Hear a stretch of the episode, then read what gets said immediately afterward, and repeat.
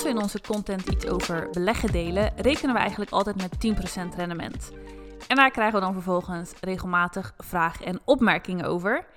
En dan voornamelijk in de trant van, ja leuk al die berekeningen, maar die 10% is toch niet echt haalbaar. Nou, dat is het dus wel. En eigenlijk is het zelfs nog best wel conservatief. Ja, want ja, als we kijken naar onze rendementen over de afgelopen jaren, dan hebben we eigenlijk consistent hogere rendementen behaald. Ehm, maar voordat we het daarover gaan hebben, eerst maar even terug naar die 10%, uh, waar we dus mee rekenen en waar die überhaupt vandaan komt. 10% is eigenlijk het gemiddelde van de SP 500 over de afgelopen decennia. En als we dan alleen kijken naar het afgelopen decennium, dan ligt het nog ietsje hoger uh, dan 10%. Maar afgelopen decennia um, is het dus rond de 10%. Uh, ja, misschien moet je even uitleggen wat de S&P 500 ja, is. Ja, S&P 500 is dus een van de grootste aandelenindexen ter wereld. Dus de 500 grootste bedrijven van Amerika, um, die zijn onderdeel van die S&P 500. En dat, uh, ja, die hebben dus een gemiddeld jaarrendement van 10%. Ja, en dat geeft dus eigenlijk een heel representatief beeld van hoe van de, de aandelenmarkt Ja. uh, in zijn geheel. Er zijn ook indexen die doen meer, dus die hebben een hoger rendement dan dat. Maar dit wordt eigenlijk vaak een beetje als voorbeeld gegeven voor de gehele markt. Ja. ja, en dan is het wel heel belangrijk om te onthouden dat die 10% om gemiddelde gaat. Er Ja. zijn jaren met 30% in de plus, 30% in de min. Ja, kijk, vorig jaar, eh, 2022, was een eh, slecht beursjaar. Eh, toen is de S&P eh, min 18, min 19 procent gegaan. Jaren daarvoor plus 25, plus 30. eh, hè. Dus het is echt een gemiddelde. Je moet het echt zien over een langere periode, wat dan het gemiddelde rendement is. Ja, en jij zei al, als je kijkt naar de afgelopen 10 jaar, dan is het zelfs hoger dan 10%. Maar kijk inderdaad naar de hele geschiedenis, dan zit het rond de 10%. En dat is eigenlijk de meest eerlijke Ja, manier, of, of, of het meest realistische. Ja, realistisch. Want kijk, het is natuurlijk hoe, langer, hoe langere periode je kan pakken als voorbeeld, eh, hoe representatiever het is. Want over de afgelopen decennia, ja, daar zit een eh, financiële crisis in 2008 in. Daar zit een dotcom-crisis eh, eind jaren 90, begin 2000. Nou, jaren 70, hoge inflaties, een wereldoorlog, et cetera, et cetera. Die zitten daar allemaal in. En alsnog uh, wordt er een gemiddeld jaarlijks rendement behaald van 10%. En nu dit zeg, denk ik ineens aan een berichtje dat ik deze week kreeg van iemand die zei: Ik lees ook heel veel verhalen dat je met 7%, dat dat het gemiddelde is. Waar zit dat verschil dan in? Nou ja, dat, dat zou kunnen zijn omdat het een inflatiecorrectie Ja, is. Uh, dat mensen zeggen, ja, gemiddelde inflatie waarop gemikt wordt is, is 2, misschien 3 procent. Als je dat afhaalt van je beleggingsrendement, dan heb je netto misschien 7 procent. Ja, maar de markt zelf doet dus 10% en niet 7%. Dus dat inderdaad, dat mensen dan weten, daar gaat dus eigenlijk nog Ja. de soort van inflatie van. Ja, en wat ik zei, sommige indexen hebben ook een hoger rendement dan die S&P. Ja. ja, dus dit is eigenlijk. Dat denken ook veel mensen, denk ik, met 10%. Dat ze al snel het gevoel hebben van: als ik dat soort rendementen wil halen, dan moet ik ook veel risico nemen. Maar dit is eigenlijk een relatief veilige en zekere belegging. Ja, mm, ja, zeker als je kijkt naar de historie. Kijk, bedoel, je, moet, je hebt altijd zo'n, uh, dat is een mooie disclaimer in de, in de wereld van beleggen, van uh, uit het verleden bieden geen garantie voor de toekomst. Maar als je een belegging hebt waarvan je bijna 100 jaar een historie hebt, en over die 100 jaar doet het gemiddeld uh, rond de 10%. Ja, en ook een belegging die de hele Amerikaanse markt Precies. pakt. Dus het is ook niet dat ze maar op één ding inzoomen. Het is wel heel breed. Ja, Dus het, dat geeft wel een heel volledig beeld. ja, absoluut. Dus het is inderdaad... En wat, wat we ook wel eens vaker zeggen van... ja, als, als een belegging als dit naar nul gaat... dan heb je wel grotere problemen dan je portefeuille. Want dan zou het Ja. betekenen dat heel de wereld aan het instorten is. Ja, want Dus- we hebben het hier over de, een van de grootste aandelenindex ter wereld, van de grootste economie ter wereld. Ja, als dat, eh, als dat stopt te bestaan of naar nul gaat, dan, eh, ja, dat is denk ik het einde van, eh, van de wereld of zo. Ja. Ja, dat is zo onrealistisch. Ja, dus in die zin is er niet veel risico met een belegging als dit. En alsnog is dus 10% een gemiddelde wat je hiermee kan halen. Nou, ik denk misschien wat mensen vaak door elkaar halen is dat ze risico of volatiliteit gelijkstellen aan risico. Ja, Dat als iets heel bewegelijk is, wil niet per se zeggen dat het veel risico geeft. Kijk, de S&P is vrij volatiel. Kijk alleen maar naar vorig jaar, doet hij min 18%. Dat jaar voor eh, meer dan 20%. Dus er zit best wel wat beweging in, ja, in een jaar. Maar is het daarmee ook gelijk risicovol? Nou, dat niet per se. Nee. Nee, en wat je zegt, zeker als je ook... Je hebt dus decennia aan data. En als je kijkt naar de historie, dan is het ook altijd zo met de S&P 500... dat als je het minimaal 20 jaar aanhoudt, dat je altijd... Altijd een positief rendement. Ja, Ja, Dus dat laat ook wel weer zien. Het is niet een belegging waarmee je heel veel geld kan verliezen. Nee. Als je het lang genoeg aanhoudt, dan sta je altijd in het groen, gebaseerd op resultaten in het verleden. Ja. Dus voor die 10% hoef je dus niet heel veel risico te nemen. Je hoeft ook niet heel veel moeite te doen. Het is een hele makkelijke belegging. Dus het is ook niet zo dat je inderdaad heel veel analyses moet doen of onderzoek of de markt heel erg bij moet houden. Eigenlijk juist niet. Je wil met Nee. dit soort dingen eigenlijk juist heel passief beleggen. Ja, En wat je ook zei, dan heb je dus ook nog wel andere indexen. Dus stel je wil wel iets meer risico nemen, dan zou je ook nog naar indexen kunnen kijken die consistent nog hoger geven dan 10%. Maar bijvoorbeeld ook crypto. ja. Daar hebben wij natuurlijk ook hogere rendementen mee behaald. Ja, veel. Kijk, met crypto eh, haal je of ben je in staat nog hogere rendementen te halen dan eh, traditionele aandelenmarkt. Als je kijkt naar Bitcoin, eh afgelopen 10 jaar, het gemiddelde jaarrendement van Bitcoin is 65%. Dus ja, dat ligt meer dan zes keer zo hoog als, eh, als die van de aandelenmarkt. Ja, Ehm, en, en nu is het wel belangrijk, kijk, we zeggen net als van zo'n aandelenindex, het is een vrij ehm, veilige belegging. Maar het is natuurlijk ook weer belangrijk dat je niet al je geld in één belegging stopt. nee. Dus het, het, het is wel belangrijk om te beseffen dat het gaat om een gespreide beleggingsportefeuille, om je risico zoveel mogelijk te spreiden. En als je dat doet, ja, dan, dan kan je met een bepaalde belegging ietsje meer risico nemen, andere belegging ietsje minder. En dan op die manier je portefeuille zo, eh, zo balanceren, zeg maar. Ja, maar dan zijn er dus, zeker als we naar onszelf kijken, van hoe wij onze portefeuille hebben ingericht, is die 10% eigenlijk nog wel laag. Die is vrij laag. Terwijl wij ja. niet eens heel veel risico nemen.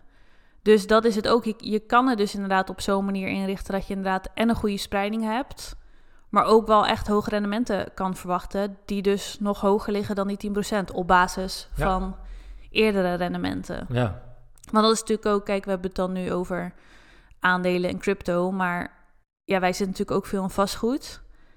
En daar liggen, afhankelijk van je strategie, kunnen de rendementen ook een stuk hoger liggen. Ja, kijk, de strategie die wij gebruiken, ehm, daar voegen we waarde toe aan een pand, ehm, waarmee je dus voor een hogere waarde herfinanciert en, en daar dus ook eh, op die manier nog extra rendement maakt. Ja, als je kijkt naar, het- naar ons eerste pand, is dat 80%, en het tweede pand 60%. En daar zijn we nog mee bezig. En daar zijn we nog mee bezig. En dat, Dus- zijn ook nog, dat is ook nog zonder de huurinkomsten. Precies. Ja. Dus dat laat ook wel weer zien dat. Ja, dus ook daar is het mogelijk om hogere rendementen dan 10% te halen. Ja, En kijk, ik denk ook wel dat het belangrijk is om te beseffen dat ja, niet, niet elke vastgoeddeal is dermate succesvol. Ik bedoel, het is niet dat alles eh 60, 80, 100% gaat geven, maar ook daarin gaat het natuurlijk weer om gemiddelde. Hè? De een, ene deal ietsje minder, andere deal ietsje meer, maar over het geheel genomen is er veel meer mogelijk dan die 10%. ja. En waarom denk je dan dat zoveel mensen denken dat 10% onrealistisch of onhaalbaar is? Ja, ik denk dat er eigenlijk wel meerdere redenen voor zijn. Ehm, afgelopen jaren hebben we natuurlijk, als je kijkt naar de spaarrekening, spaarrente, die was 0% en zelfs negatief. Ja, Ik denk dat dat ook een soort van collectieve mindset is geworden van, eh, oh je, je ontvangt niks meer op je spaargeld, dus Dat, dat is denk ik één ding, dat mensen denken Ja, van... want je bedoelt meer van als je vroeger wel eens 6% spaarrente kreeg, dan is 10% niet echt mind-blowing. nee, Omdat dat, dat scheelt 4%. Maar als je van 0 Als je- naar 10 gaat, Ja, dat scheelt Ja. nogal wat. Ja. Oh, ik krijg 0% eh op mijn spaarrekening. Waar krijg ik dan die 10%? Weet je wel? Dan ja, is dat, ja dat verschil voelt heel groot. Verschil. Ja. Ehm, dus ik, en ja, en, en dan heeft het dus ook te maken met het feit dat mensen niet echt eh, genoeg opties kennen.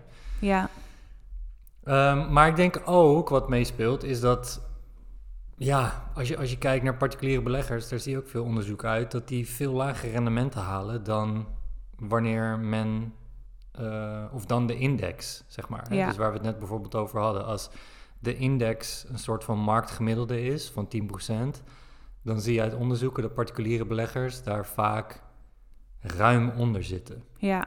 Nou, en, En zelfs vaak veel geld verliezen in plaats van ja, positief rendement en, en dat, behalen. dat heeft natuurlijk eh, ook weer meerdere redenen. Ehm, ik denk dat particuliere beleggers relatief veel handelen in losse aandelen, wat veel risicovoller is eh, en minder garantie op succes.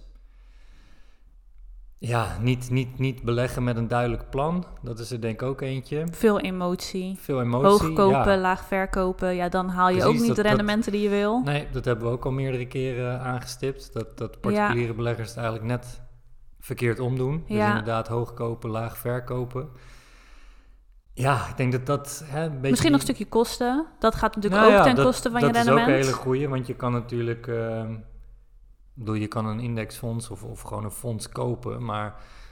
Ja, die kosten op, op fondsen, die, dat verschilt nogal. Dus je moet ook weten welk type fonds koop je. En ja, wat, wat doen die kosten op lange termijn? Want ja, een procent hier en daar, dat vreet echt aan je beleggingsrendement. Ja, wat we al zeiden, net als met het uitbesteden, ook dat gaat nog weer ten koste van je rendement. Ook Ja. dan voelt 10%. Of dan, ja, als je al, al zit je dan inderdaad in een fonds, maar lever je een paar procentjes in Ja, voor het beheren, dan haal je die 10% ook niet. nee.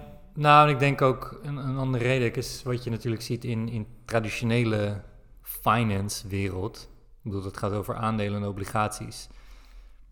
Crypto is in die zin echt een, een buitenaards concept. eh, ook als je kijkt naar, naar rendementen die daar te behalen vallen eh, voor traditionele finance Ja. begrippen. Dus net wat ik zeg met Bitcoin, ja, 65% op dit moment gemiddeld jaarrendement over de afgelopen 10 jaar. Ja, dat, is, dat zijn exponentiële beleggingen. Als je kijkt naar Ethereum over de afgelopen 4, 5 jaar, daar ligt het nog hoger zelfs dan, eh, dan Bitcoin over de afgelopen 10 jaar. Ja, En nogmaals, dat, dat wil niet zeggen dat dat door gaat zetten in, in die mate over de aankomende jaren. Maar dit zijn wel rendementen geweest over de afgelopen periode die gewoon behaald zijn. eh, en, en wat mogelijk is geweest. maar dan bedoel je meer van, dat is zo exponentieel, vergeleken met aandelen, obligaties, goud, dat heel veel finance, boeken en dat die dat eigenlijk nog niet echt meerekenen Nee, het is nog niet echt een Nee. onderdeel van. eh, Vaak is crypto ook nog niet echt een. ehm, ja, hoe zeg je dat? Serieus onderdeel van een portefeuille. Ja. Nee, en, precies. en dan staat, dat is net zo dat je weer zegt van, ehm, ja, dat is eh, het risicorendement. Oh ja, crypto is super risicovol. Of ehm, ja, er zijn zelfs eh, ook financiële media die crypto niet als een serieuze belegging zien. Ja, als je op die manier naar kijkt, dan, Nee, dan kan je het niet Ja. meenemen als, als zijnde eh, rendement wat je zou kunnen Ja. behalen. Maar het is natuurlijk wel gewoon heel realistisch rendement. En, en nou ja, ik bedoel, er zijn, er zijn bedrijven, beursgenoteerde bedrijven die, die bitcoin aanhouden op hun balans. Er zijn landen die bitcoin aanhouden. Dus het zou in die zin geen discussie meer moeten zijn of bitcoin een serieuze belegging is. maar voor heel veel mensen is Maar het voor toch heel veel mensen is het echt een buitenaards concept. Ehm, en, en zeker de duizelingwekkende rendementen bijna. Ja. ja, want als je ook kijkt naar de meer beleggingsgrootheden, die zitten dan inderdaad voornamelijk in fondsen, in goud, in wat aandelen en wat obligaties. Ja, Ja. als je dan daar het gemiddelde van neemt, zeker met goud en obligaties kom je ook die al veel lager heel uit. rela- die zijn wel echt wat veiligere beleggingen. Dus die Ja. hebben inderdaad ook een veel lager rendement. Ja, dat trekt dan ook je rendement van de, van de fondsen en de aandelen Ja, gemiddelde naar beneden. ja, Terwijl als je inderdaad meer focust op bijvoorbeeld fondsen en crypto en vastgoed, dan zou je rendement juist meer omhoog getrokken worden. precies. Dan is je 10% bijna het minimum. Dus dat is inderdaad wel dat wat meer die oude denkwijze rondom beleggen. Dat is allemaal nog veel conservatiever dan wat er nu Ja. mogelijk is. Ja. Ja, maar goed, de conclusie is dus dat nu die 10% helemaal zo gek nog niet is. En dat er eigenlijk zelfs veel meer mogelijk is nog dan dat. Ja, nee. Als we naar onszelf kijken en, en gewoon wat er mogelijk is in de markt, dan, dan is 10% een, een realistisch rendement.